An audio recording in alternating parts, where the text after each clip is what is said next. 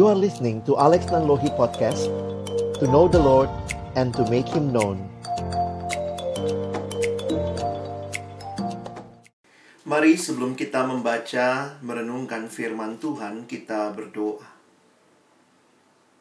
Biarlah pujian ini menyatakan kerinduan kami di hadapan-Mu ketika sekali lagi Tuhan mengumpulkan kami beribadah kepadamu.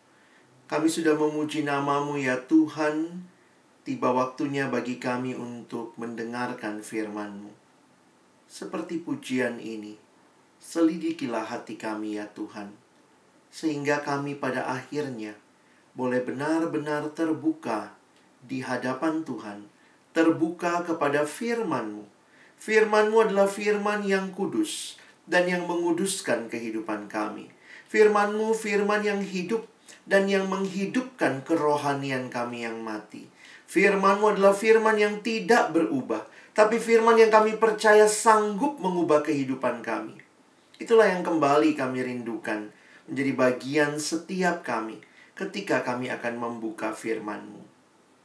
Kami berdoa, tolong kami pada akhirnya bukan hanya jadi pendengar-pendengar firman yang setia, tapi mampukan kami boleh menjadi pelaku-pelaku firman-Mu dalam hidup kami, dalam masa muda kami. Tolong kami memberikan respon yang tepat sesuai dengan kehendak Tuhan.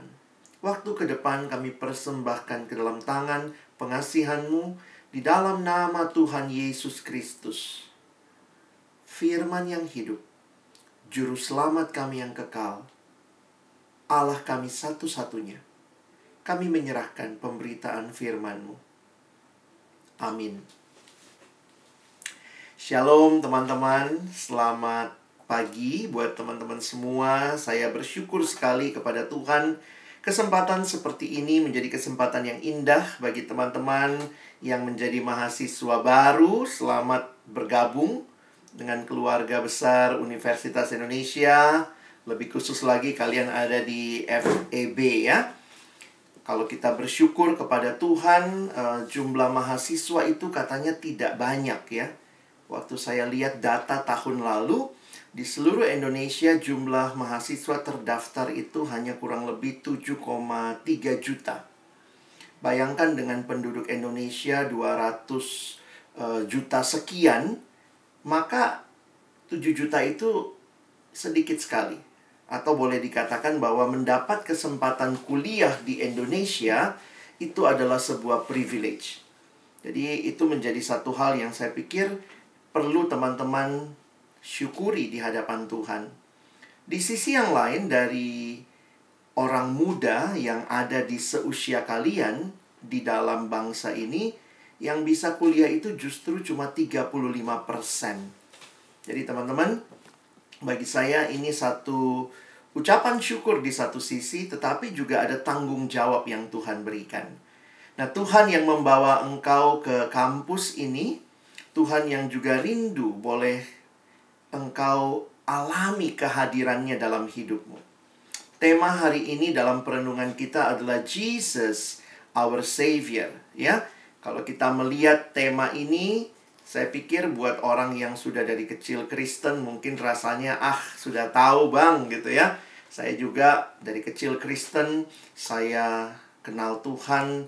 Uh, maksudnya keluarga saya adalah keluarga yang sudah ke gereja, sudah kenal Tuhan. Tetapi secara pribadi saya menyadari saya baru menerima Yesus sebagai Tuhan dan Juru Selamat secara pribadi justru ketika saya ada di bangku SMA kelas 1. Saya hanya jadi Kristen KTP, saya hanya jadi Kristen karena keturunan. Papa saya Kristen, mama saya Kristen, masa saya agama lain gitu ya. Tapi saya belum pernah sungguh-sungguh berpikir mendalam dan akhirnya ketika kelas 1 SMA Tuhan menjamah membawa saya dalam sebuah perubahan hidup yang akhirnya saya jadi memahami apa yang menjadi tema kita bukan lagi kata orang, bukan lagi sesuatu teori, tapi benar-benar mengalami apa artinya Yesus sebagai juru selamatku, ya, bukan sekedar juru selamat kita, tapi juga akhirnya secara pribadi bisa berkata Jesus is my savior. Pengalaman hidup kita yang tentunya berbeda-beda membuat kita juga mungkin pernah mengalami uh, beberapa hal yang saya akan coba sharingkan ya. Nah, mungkin pernah nggak teman-teman mengalami salah jalan ya? Wah, lagi drive atau naik mobil, naik motor atau mungkin uh, di dalam bus gitu ya. Eh, tahunya salah jalan. Nah, apa yang biasanya dilakukan kalau orang salah jalan? Ya paling logis, putar balik ya. Putar balik, make a U-turn. Seperti itu. Dalam hidup kita mungkin salah jalan ya.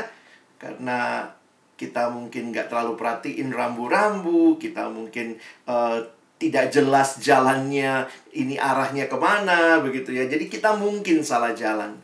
Tetapi juga di dalam kehidupan betapa mengerikannya kalau kita harus memilih, tentunya kita jangan memilih untuk salah jalan. Apalagi kalau pilihannya itu jalannya seperti ini, ya. teman teman-teman bisa lihat tuh. Coba ini ada di mana ini ya jalan seperti ini. Ya, tentu ini dibuat begitu rupa ya. Ketika kita harus memilih, maka tentunya jalan yang kita pilih bukanlah jalan yang membawa binasa dan maut, tetapi jalan yang membawa keselamatan dan sukacita saya mendengar atau pernah melihat ya teman-teman dalam baju seorang anak remaja. ya, baju remaja waktu itu menarik sekali tulisannya seperti ini. Masa kecil bahagia, masa muda foya-foya, masa tua kaya raya, mati masuk surga. Wah teman-teman jujur ya kalau ada hidup seperti ini, Bang Alex yang pilih pertama begitu ya. Tapi hidup itu tidak seperti itu. Di dalam kehidupan kita mau keselamatan. Kita mau menikmati sukacita yang abadi, keselamatan yang kekal. Dan tentunya kita akan melihat bagaimana keselamatan itu di dalam kehidupan orang percaya, di dalam kehidupan orang Kristen. Semua agama bicara keselamatan. Tetapi kekristenan berbicara tentang keselamatan dari bahaya yang terbesar dan terakhir.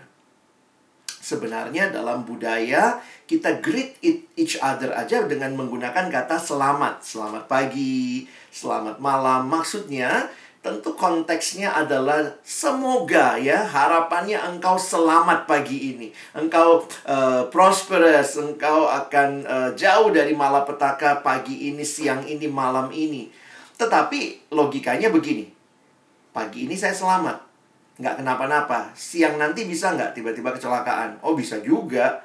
Malam nanti bisa alami hal yang buruk? Oh bisa juga. Dalam dunia itu kita selalu punya kemungkinan mengalami kecelakaan. Mengalami ketidakberuntungan. Sehingga kata selamat sebenarnya hanya bicara dari selamat yang sementara kalau saya bilang sama kamu selamat ya, selamat datang di UI ya, lalu kemudian selamat, apakah kemudian nggak mungkin ngalamin uh, hal yang buruk? Oh mungkin saja.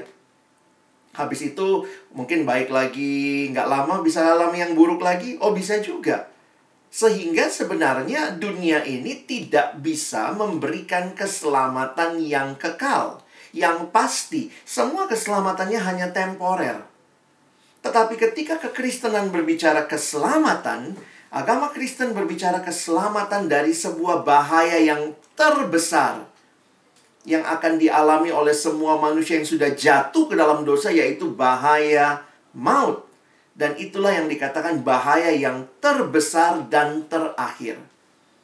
Dan di sinilah kita melihat siapa Yesus. Siapa Yesus yang teman-teman dan saya ikuti dalam kehidupan sebagai orang percaya. Firman Tuhan di dalam kisah Rasul 4 ayat 12 menyatakan dan keselamatan tidak ada di dalam siapa pun juga selain di dalam dia sebab di bawah kolong langit ini tidak ada nama lain yang diberikan kepada manusia yang olehnya kita dapat diselamatkan. Teman-teman only one way which is Jesus tidak ada keselamatan di bawah kolong langit ini selain di dalam nama Yesus. Sehingga kita meyakini Jesus our savior. He is the only way, the one and only way. ketika kita membaca apa yang Yesus sampaikan, mengklaim di dalam Yohanes 14 ayat 6. Yesus berkata, "Akulah jalan dan kebenaran dan hidup." Yesus tidak datang menunjukkan jalan, tetapi Yesuslah jalan itu. Dan dialah jalan, dan dialah kebenaran, dan dialah kehidupan. Dan tidak ada seorang pun yang datang kepada Bapa kalau tidak melalui aku. Wah teman-teman mungkin kalau kita perhatikan sekilas begitu ya. Wah ini klaim apa ini ya? Kok sangat berani, sangat lantang, dan kayaknya cenderung arogan. Wih, emangnya siapa sih ya? yang bisa menyatakan seperti itu. Tetapi kita mem memahami bahwa Yesus adalah Allah yang jadi manusia. Dia bukan manusia jadi-jadian. Dia jadi manusia beneran. Dan pada saat itu pun kita harus ingat dia Allah yang sejati. Allah yang menjadi manusia dibutuhkan untuk menyelamatkan manusia yang sudah binasa di dalam dosa. Kalau Yesus hanya Allah, Dia tidak mungkin menyelamatkan kita dengan hanya meminta kita datang kepadanya. Karena manusia yang berdosa tidak mungkin menghampiri Allah yang kudus. Kalau Yesus hanya manusia, maka tidak mungkin juga menyelamatkan kita karena keselamatan sumbernya dari Allah. Karena itu Allah yang menjadi manusia, menjadi jawaban kekristenan terhadap keselamatan manusia.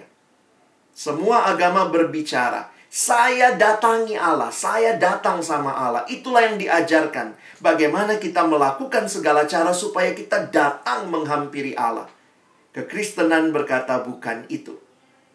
Sukacita, berita Injil, berita baiknya adalah Allah yang datang jadi manusia. Inilah berita yang sama sekali berbeda dengan apa yang ditawarkan dalam dunia ini. Semua agama berbicara bagaimana mencapai Allah. Kekristenan berbicara bagaimana manusia tidak mungkin datang kepada Allah, tetapi Allah yang datang ke dalam dunia menjadi manusia, menyelamatkan kita. Apa yang terjadi? Bagaimana proses keselamatan ini boleh kita alami? Nah, saya ingin mengajak kita merenungkan satu ayat di dalam satu Petrus pasal yang kedua, ayat yang ke-24. Abang akan memakai ayat ini menjadi referensi, frame of reference buat kita sama-sama merenungkan keselamatan yang kekal itu. Mari kita baca, saya sudah tulis ayatnya di screen. Silakan teman-teman, saya harap muncul di screenmu, kita baca secara bersama-sama di dalam hati masing-masing ya di rumah. Atau boleh juga bersuara di rumah ya supaya ketahuan gitu ya. Kamu lagi denger khotbah gitu ya. Oke abang bacakan buat kita. Ia atau Yesus sendiri telah memikul dosa kita di dalam tubuhnya di kayu salib supaya kita yang telah mati terhadap dosa hidup untuk kebenaran oleh bilur-bilurnya kamu telah sembuh Teman-temanku yang dikasihi Tuhan, kenapa saya memilih ayat ini? Karena di dalam ayat ini kita mendapatkan gambaran yang sangat jelas tentang keselamatan atau Injil kasih karunia Allah. Kita mau bicara Jesus our Savior. Ayat ini memberikan gambaran yang sangat jelas. Maksudnya dalam ayat yang singkat bisa menggambarkan apa yang Yesus bawa bagi kita. Kita akan lihat tiga hal ya hari ini. Mari lihat yang pertama dulu. Perhatikan bagian yang abang buat dalam warna merah ya. Lihat ayatnya. Nah, saya tuliskan di situ Iya, Yesus sendiri telah memikul dosa kita. Nah, teman-teman perhatikan, bagian yang pertama adalah dosa kita. Ini menyatakan bahwa kita manusia berdosa yang seharusnya memikul hukuman dosa kita sendiri, yaitu maut. Biar mudah diingat, ingatlah dua frase pertama ini, dosa kita. Apa yang disampaikan di dalam Alkitab menyatakan bahwa manusia ternyata berdosa. Kalian sudah pelajari dalam pipa sebelum kita ikut sesi ini. kita melihat bahwa dosa menjadi gambaran bagaimana manusia tidak mencapai standarnya Allah. Salah satu istilah dosa yang muncul di dalam Alkitab adalah kata Yunani hamartia. Yang artinya missing the mark, failure, fall short. Atau sederhananya begini, biasanya orang kalau memanah maka yang harusnya kena adalah bidang panahnya. Dan kalau bisa lagi yang paling tepat adalah yang paling tengah. Tapi manusia bukan hanya kenanya nggak di tengah, malah nggak kena. Ini meleset dari sasaran. Itulah yang dinyatakan di dalam Alkitab tentang gambaran manusia yang jatuh ke dalam dosa. Teman-teman bisa membayangkan ketika Allah menciptakan engkau dan saya untuk menyembah dia. Tetapi ketika manusia kemudian melenceng dari sasaran itu, bukannya kita menyembah Dia, malah manusia berontak kepada Allah. Itu gambaran missing the mark. Kita dicipta untuk mengasihi sesama. Eh, ternyata kita lihat ketika Adam ditanya, "Kau makan buah pohon itu?" Adam bilang, "Perempuan itu." Perempuan itu menyalahkan ular, dan seterusnya. Ini menunjukkan bahwa di dalam dosa manusia tidak mencapai yang Allah kehendaki. Allah ciptakan engkau dan saya untuk mengasihi Allah, mengasihi sesama, tetapi dosa membuat manusia bukannya mengasihi. Kejadian pasal yang keempat mencatat seorang abang tega bunuh adiknya sendiri. Manusia kehilangan kemuliaan Allah, missing the mark of apa yang Tuhan sudah rencanakan dengan indah bagi hidup manusia. Teman-teman, dalam dosa, manusia merasa dirinya lah segala-galanya. I am everything. Bukankah Tuhan yang harusnya segala-galanya dalam kehidupan? Tetapi ketika manusia jatuh dalam dosa, maka bukan lagi Tuhan fokusnya, tapi dirinya. Sehingga ada kalimat yang menarik. How do you spell sin? Ya, yeah, how you spell sin? S I N. What is sin? Sin is the I in the center. Akulah yang paling utama. Akulah segala-galanya. Inilah realita dosa yang membawa manusia dalam satu kehidupan yang bukan lagi menjadikan Allah segala-galanya, tapi menjadikan dirinya sebagai segala-galanya. Gambaran-gambaran dosa yang kita lihat selalu sifatnya adalah relasional. Karena Tuhan ciptakan kita sebagai makhluk yang berelasi. Harusnya dengan sesama kita mengasihi, dengan alam kita pelihara. Tapi lihat apa yang dosa lakukan. Di dalam dosa manusia bukannya mengasihi sesama, malah mengeksploitasi sesama bukannya memelihara alam, mengeksploitasi alam, bukannya bersyukur menjaga diri, tetapi dengan narkoba, dengan segala hal, dengan mencontek itu gambarkan me merusak diri. Saudara jangan pikir nyontek itu cuma ah hal kecil ya. Bahkan kalau teman saya ngomongnya gini waktu itu ya. Orang yang nyontek itu adalah orang yang menghina Allah. Wih, gimana logikanya? Dia bilang sebenarnya kan Tuhan sudah kasih kita otak yang harus dipakai dengan baik. Orang yang nyontek sebenarnya sedang bilang sama Tuhan, sorry Tuhan, otak yang kau kasih kurang bagus. Harus pakai contekan. Tuhan sih bikin otak yang bagus dikit dong.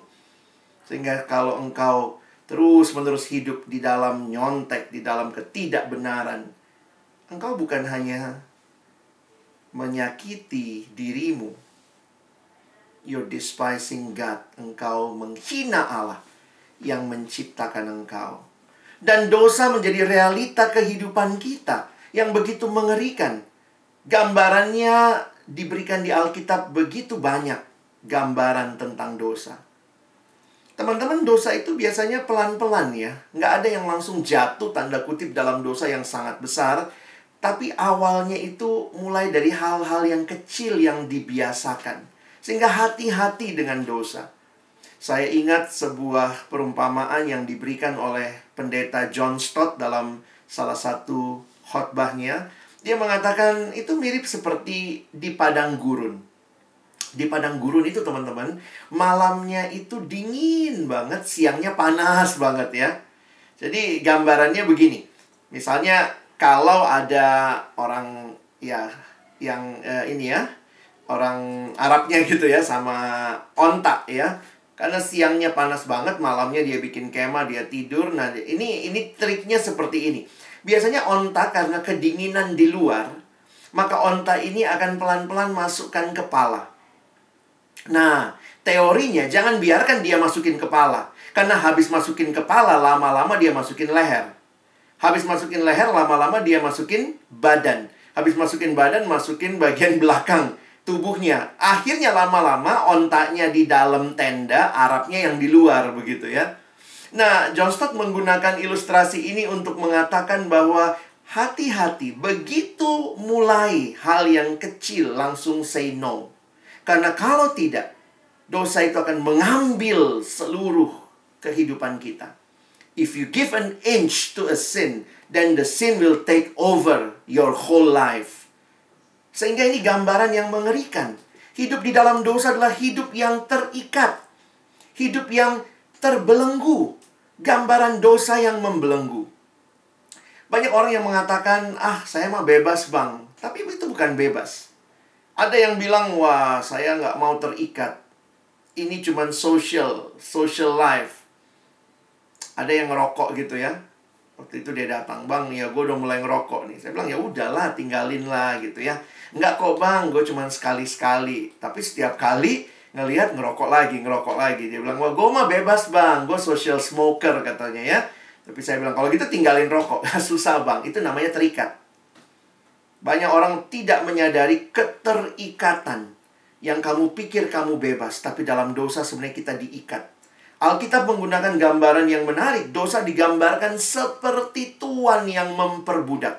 Sehingga gambarannya adalah gambaran perbudakan dosa. Ada orang yang diperbudak oleh minuman keras, oleh alkohol, oleh bahkan judi dan sebagainya. Begitu mengerikan. Tapi mungkin kamu bilang, wah aku mah nggak diperbudak sama hal-hal itu bang. Puji Tuhan kalau tidak. Tapi realitanya hal yang baik pun ketika kita tidak bisa menggunakannya dengan baik, perhatikan kalimat saya. Hal yang baik Ketika engkau tidak mempergunakannya dengan baik, jangan-jangan itu telah mengikat kamu, bahkan mengikatmu jatuh ke dalam dosa. Gambaran seperti ini kan kita bilangnya e, baik dong, masa punya HP nggak baik ya? Tapi jangan-jangan HPmu yang baik itu telah kamu pakai dan dari situlah kamu akses hal-hal yang nggak benar. Sehingga kita terikat tanpa sadar kepada smartphone kita. We have a smartphone but not smart. Ada hal-hal baik yang sebenarnya Tuhan berikan, ada limitnya.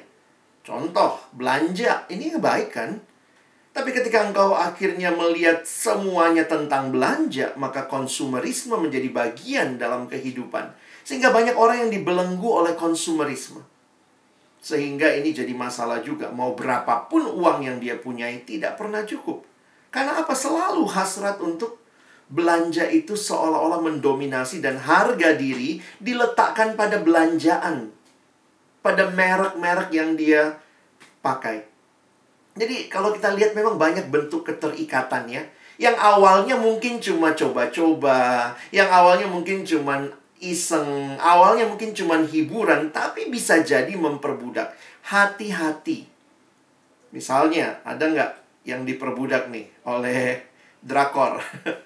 ya nggak salah dong nonton drakor ya. Tapi kalau akhirnya kamu nontonnya membuat kamu sampai capek pun nggak bisa lepas terus memaksa. Pokoknya serinya harus dihabisin. I'm so tired but I can't stop watching.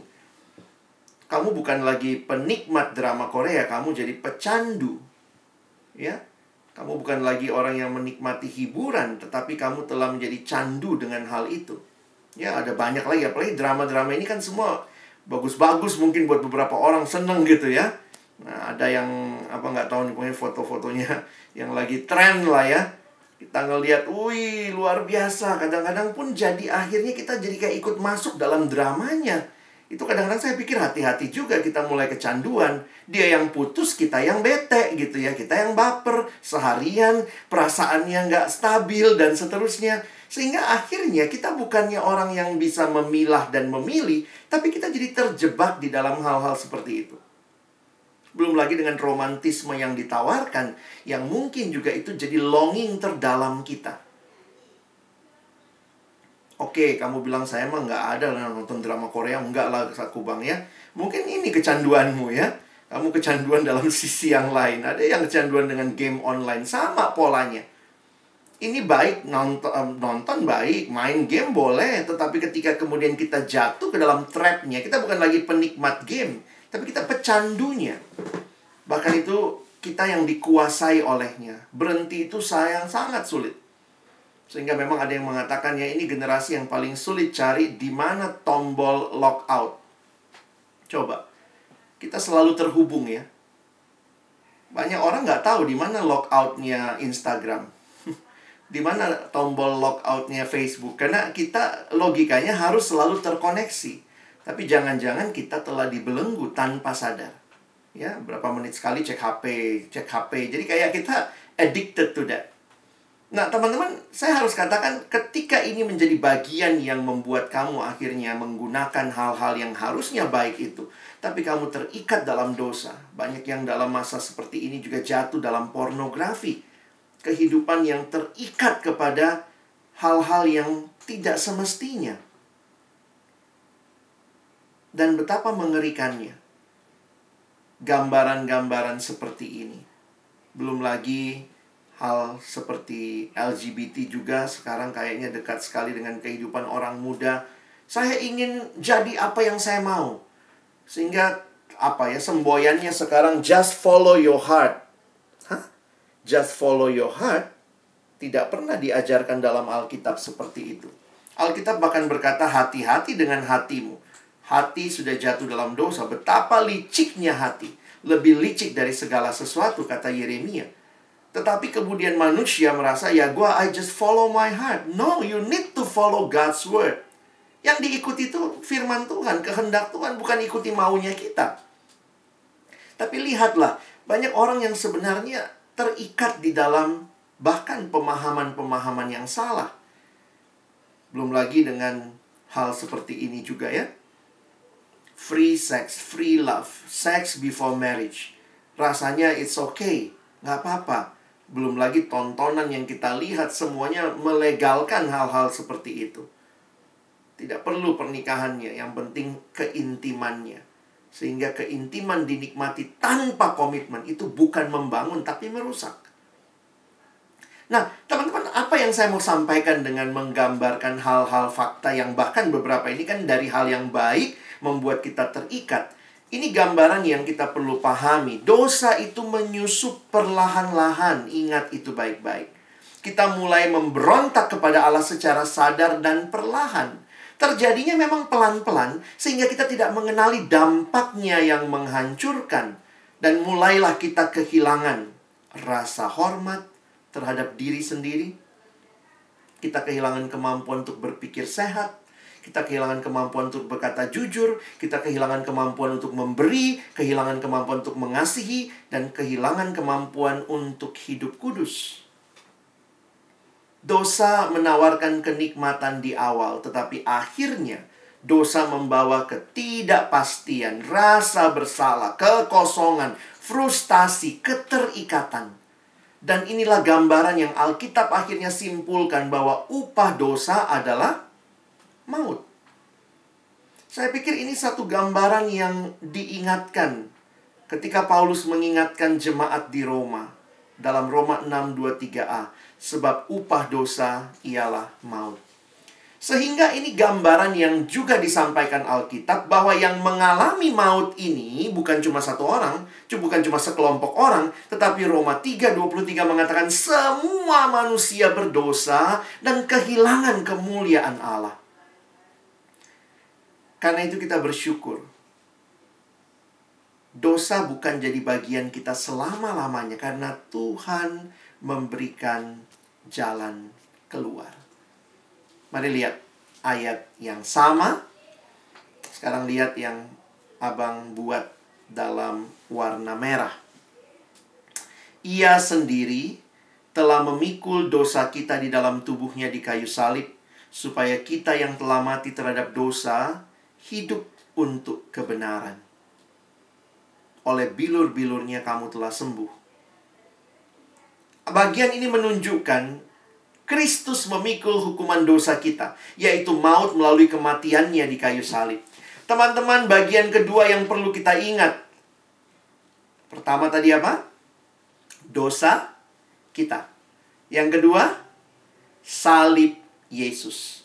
Kiranya waktu kita menghayati apa yang terjadi di salib itu, teman-teman lihatlah bahwa apa yang menjadi pergumulan terbesar kita kita akan menghadapi maut itu bahaya yang terakhir, bahaya yang terbesar. Tetapi kalau kita perhatikan, Yesuslah juru selamat kita.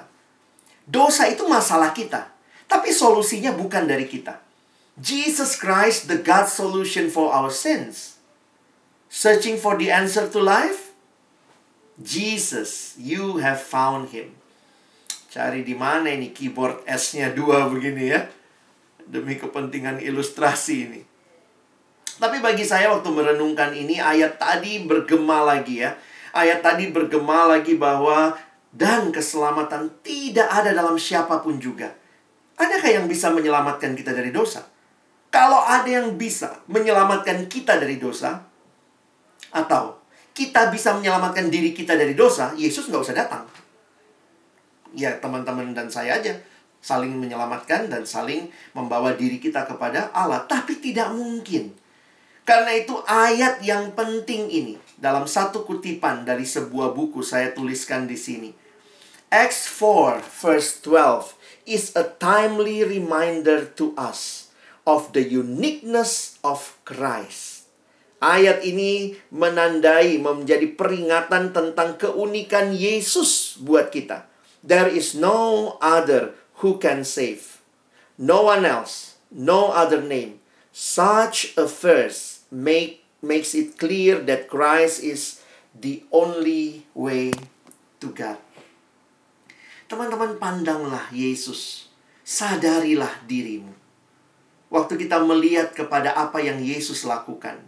Luar biasa apa yang dia lakukan bagi kita. Ketika mendapat gambar ini pertama kali, inilah siluet hidup Yesus mulai dari dia lahir sampai akhirnya dia bangkit. Waktu saya lihat hal ini, tapi yang menarik apa teman-teman ya? Pertanyaan sederhananya begini. Di mana Yesus bilang sudah selesai? Di mana teman-teman? Di kayu salib kan? Yesus tidak bilang sudah selesai di palungan. Bayangkan dia di palungan masih kecil terus ngomong gitu ada majus datang ya. Udah selesai lari kali itu orang majus ya.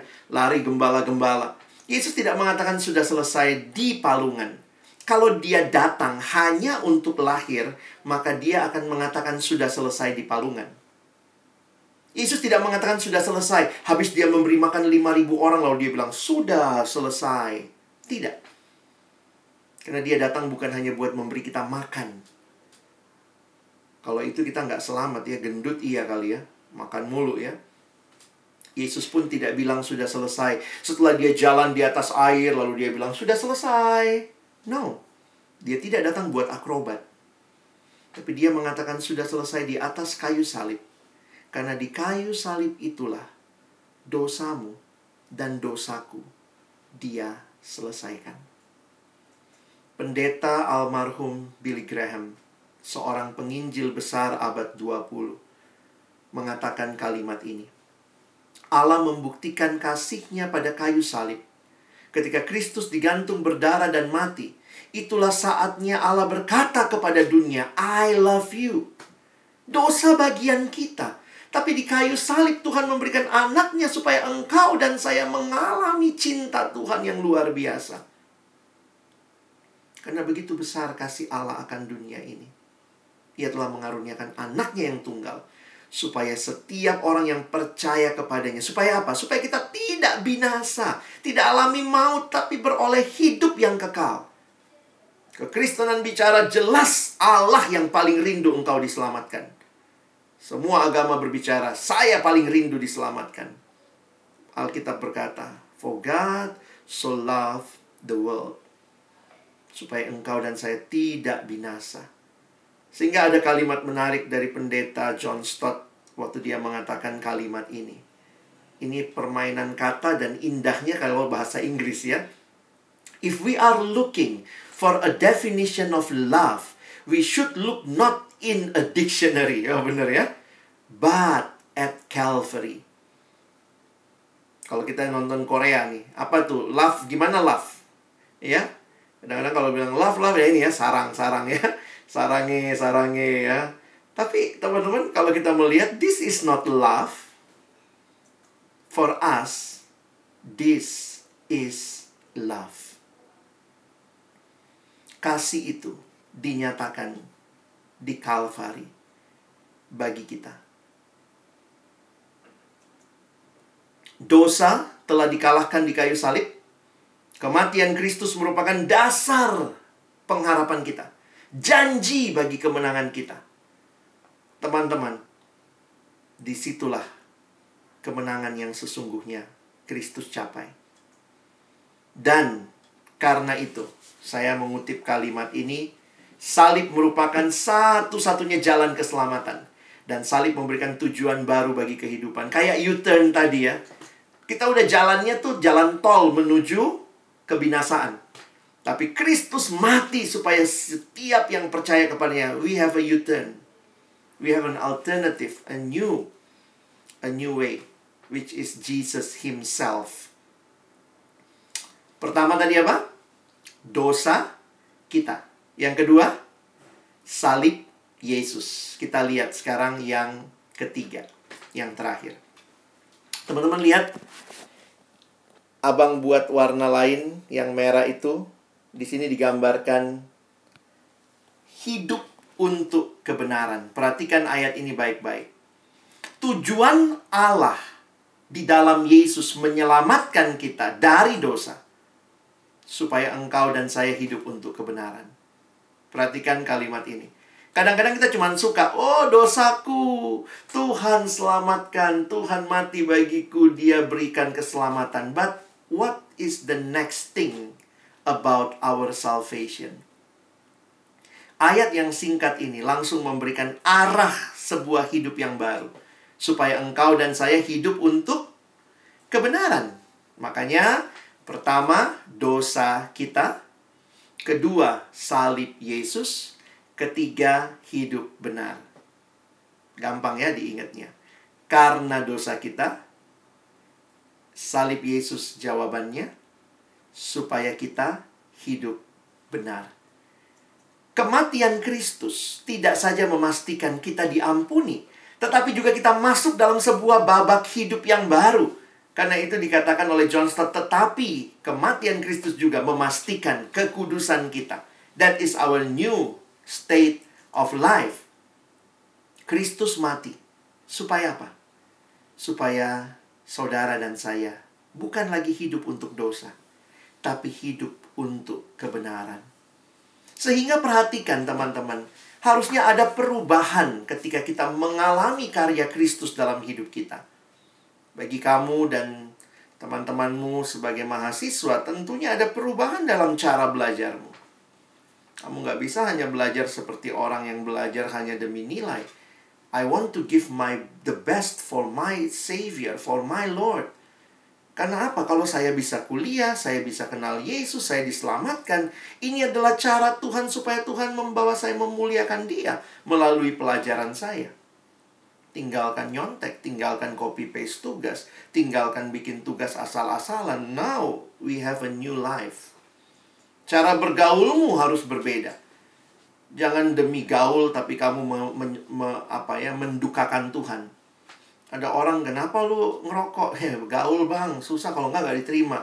Kenapa lu judi? Ya habis temen gue pada judi bang, gue nggak ikutan gimana? Kamu gaul, terkesan kamu anak yang gaul, di mana-mana kamu hadir. Tapi apakah Tuhan senang? Sekarang bukan lagi aku menyenangkan diriku, apalagi menyenangkan teman-temanku. Tapi kalau saya di dalam Tuhan, the one and only thing I want to do is to please my God who died for me, who gave his whole life for me. Kalau kamu sudah pacaran, perbedaannya jelas. True love waits, ya. Ada kalimat kecil di bawah tuh, coba di zoom. Kalian akan lihat. Save it until marriage. Cara berpacaran berpikir dengan baik bagaimana hidup dalam kekudusan termasuk dalam berpacaran. Abang selalu ingat ya, ada ayat begini kan. 1 Korintus 10. Baik engkau makan maupun engkau minum, lakukanlah segalanya demi kemuliaan Tuhan. Can you imagine? Itu kayaknya receh banget kata anak sekarang ya. Makan, minum untuk kemuliaan Tuhan. Bayangkan kalau makan dan minum saja untuk kemuliaan Tuhan, apalagi pacaran. Jangan remehkan seolah-olah oke okay lah saya di rumah kudus gitu ya. Saya di dalam gereja kudus tapi waktu bicara berpacaran, berelasi, bersahabat kenapa jadi berbeda? Harusnya prinsipnya sama. True love waits. I want to please my God. Teman-teman ada perubahan hidup. Sehingga hari ini kita udah lihat ya. Tiga pasang kebenaran. Dosa kita, salib Yesus, dan hidup benar. Siapa Yesus buat hidupmu? Apakah dia telah menjadi juru selamat? Kalau dia telah menjadi juru selamat, maka engkau tidak lagi akan hidup menikmati dosa. Bukankah engkau sudah diselamatkan? Tapi kalau engkau masih menikmati dosa, hidup di dalam dosa, dan masih terus-menerus merasa bahwa inilah yang memuaskan aku dan bukan Tuhan. Walaupun kamu sudah Kristen, belum tentu kamu mengalami apa artinya Jesus is my Savior. Kan itu bagaimana respon kita. Respon ketika mendengar berita Injil. Respon mendengar bahwa Yesus juru selamat. Saya pikir paling sederhana. Buka hatimu bagi Yesus. Terimalah dia dalam hidupmu.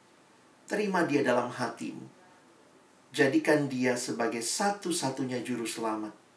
Tidak ada juru selamat yang lain. Tapi bukan cuma itu teman-teman ya dia juga harus jadi Tuhan dalam hidup kita. Karena sekarang dia pemilik hidupmu. Engkau telah dibeli, kata Paulus, harganya sudah lunas dibayar. Sekarang Tuanmu adalah Yesus.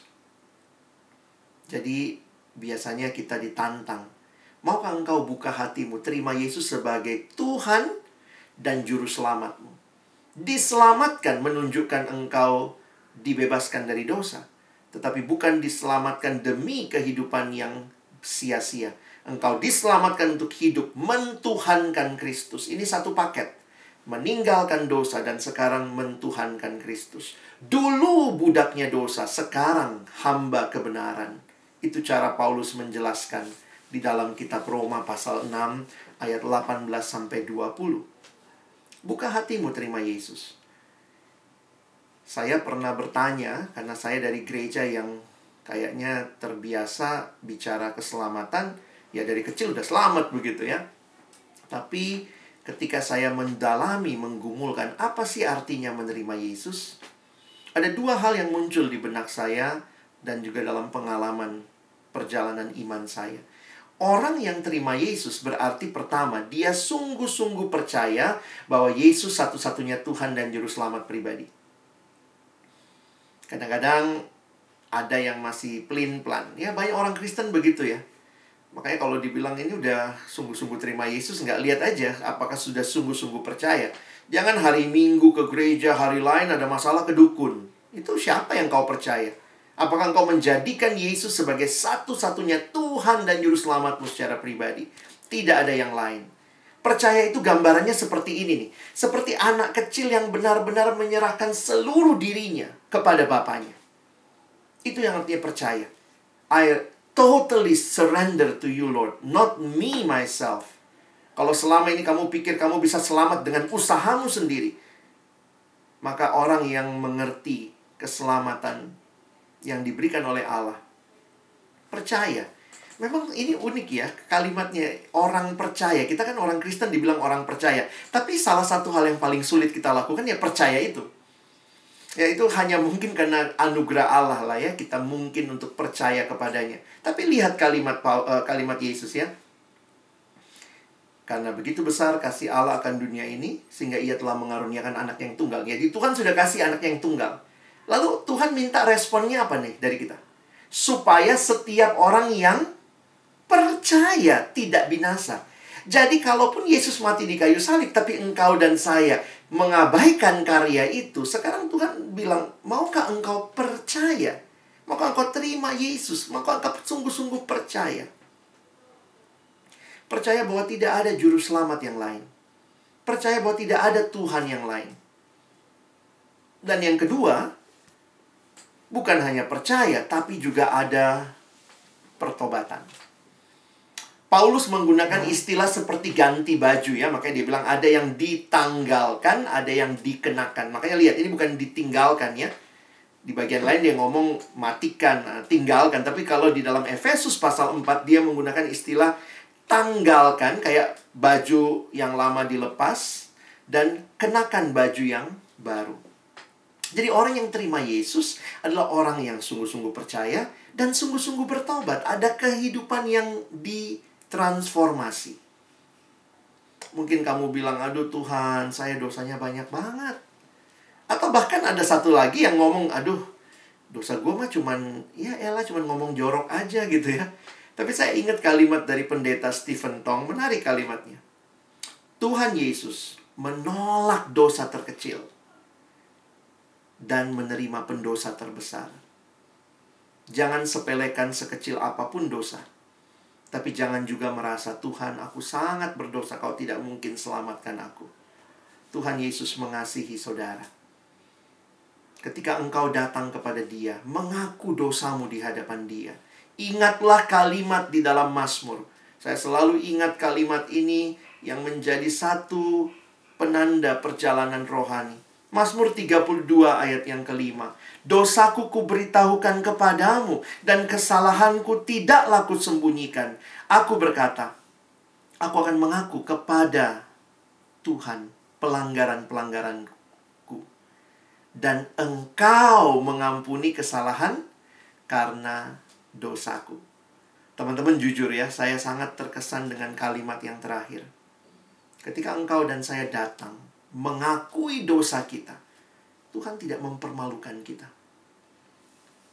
Tapi dia akan mengampuni kesalahan-kesalahan kita.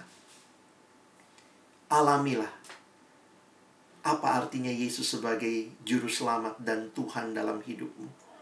Belajar berkata yes to God, no to sin. Hanya dengan kekuatan yang dari Tuhan engkau dimampukan berkata yes to God no to sin. Punya kehidupan yang berubah. Saya tidak mau lagi hidup dalam hidup yang lama. Bukan saya lagi sutradara hidupku. This is not my life, kata Paulus. Tapi Yesus yang hidup di dalamku. Panggilan bagi kita untuk berbeda dengan dunia. Engkau dan saya bukan hidup menyenangkan dunia ini. Kalau dunia berkata, lakukan ini. Tapi kita tahu tidak benar. Kita berkata tidak Dare to be different. Bangun hidup di dalam Tuhan. Dan saya bersyukur engkau dan teman-teman hadir di kampus yang Tuhan kasihi. Saya bersyukur di Universitas Indonesia ada wadah persekutuan oikumene. Sebagai salah satu persekutuan oikumene tertua di Indonesia. Kita bersyukur Tuhan memelihara kampus kita setiap generasi ada yang masuk. Ada yang datang dan pergi, ada yang jadi alumni, tapi ada lagi yang masuk. Ini mengingatkan bahwa Tuhan mau terus membawa engkau kenal siapa Yesus. Kamu akan akan dapat ilmu yang baik di UI. Tapi kiranya perjalananmu bukan hanya dapat ilmu yang baik, tapi benar-benar engkau kenal siapa juru selamatmu. Supaya engkau akhirnya mengalami kekuatan, ketenangan dalam jiwamu. Karena engkau tahu, yang percaya tidak binasa, melainkan beroleh hidup yang kekal. Teman-teman, abang rindu kita meresponi firman Tuhan. Kalian tidak meresponi saya, tidak meresponi pengurus, meresponi kakak-kakak alumni di sini, tapi mari responi di hadapan Tuhan yang kenal hatimu. Mari waktu tenang ini saya berikan kepada teman-teman sekalian. Berdoa di hadapan Tuhan. setelah mendengar firman ini, apa responmu? Sudahkah engkau terima Yesus dalam hidupmu? Abang akan menyanyikan lagu tadi, Jiwaku Terbuka, sembari semua kita dengan sikap tenang di hadapan Tuhan. Mendengarkan dan juga boleh bertanya lebih dalam. Sudahkah Yesus jadi satu-satunya Tuhan dan Juru Selamat dalam hidupku? Jiwaku terbuka untukmu Tuhan. Selidiki, nyatakan segala perkara. Singkapkan semua yang terselubung supaya ku layak di hadapanmu Tuhan. Izinkan saya sebagai hamba Tuhan pada siang hari ini. Pada waktu teman-teman mendengar suara saya dengan jelas, izinkanlah engkau ditantang oleh Tuhan dan responilah bukan di hadapan manusia, tetapi di hadapan Tuhan. Saya bahkan tidak bisa melihat satu persatu engkau yang ada dan mendengarkan khotbah hari ini. Tapi kalau hari ini, setelah mendengarkan firman Tuhan, engkau berkata, Tuhan di sini saya. Setelah saya mengerti firman-Mu hari ini, saya mau meresponi. Saya mau buka hatiku Tuhan, menerima Engkau sebagai satu-satunya Tuhan dan Juru Selamat dalam hidupku. Saya mau tinggalkan dosa, saya mau hidup dalam kebenaran. Ini saya Tuhan. Saya mau buka hatiku terima Yesus di dalam hidupku. Kalau ada teman-teman yang ambil keputusan ini, biarlah dengan tenang di hadapan Tuhan. Hanya Tuhan yang lihat kamu saat ini. Taruh tangan kananmu di dadamu. Kalau ini jadi keputusanmu hari ini. Mungkin engkau ada di tempat yang kurang kondusif, ada orang yang lihat di sana sini. Tapi kalau hari ini Tuhan meneguhkan engkau, Tinggalkan dosa, hidup bagiku, hidup dalam kebenaran. Mungkin selama ini kau sudah jadi Kristen, tapi kau Kristen tanpa pertobatan, Kristen tanpa perubahan, Kristen tradisi. Tapi hari ini, Tuhan berbicara jelas, aku datang supaya engkau dipulihkan, engkau dibaharui. Kalau ini keputusanmu, yang mau buka hati terima Yesus, taruh tangan kananmu di dada, dan abang akan berdoa untuk keputusan yang kamu ambil. Mari berdoa. Bagi adik-adikku yang ambil keputusan terima Yesus, waktu engkau taruh tangan kananmu di dada, ikuti doa saya, kalimat per kalimat di hadapan Tuhan Tuhan Yesus, hari ini aku datang kepadamu. Aku sadar aku penuh dengan dosa. Dan upah dosa adalah maut. Tapi aku bersyukur untuk karya anugerahmu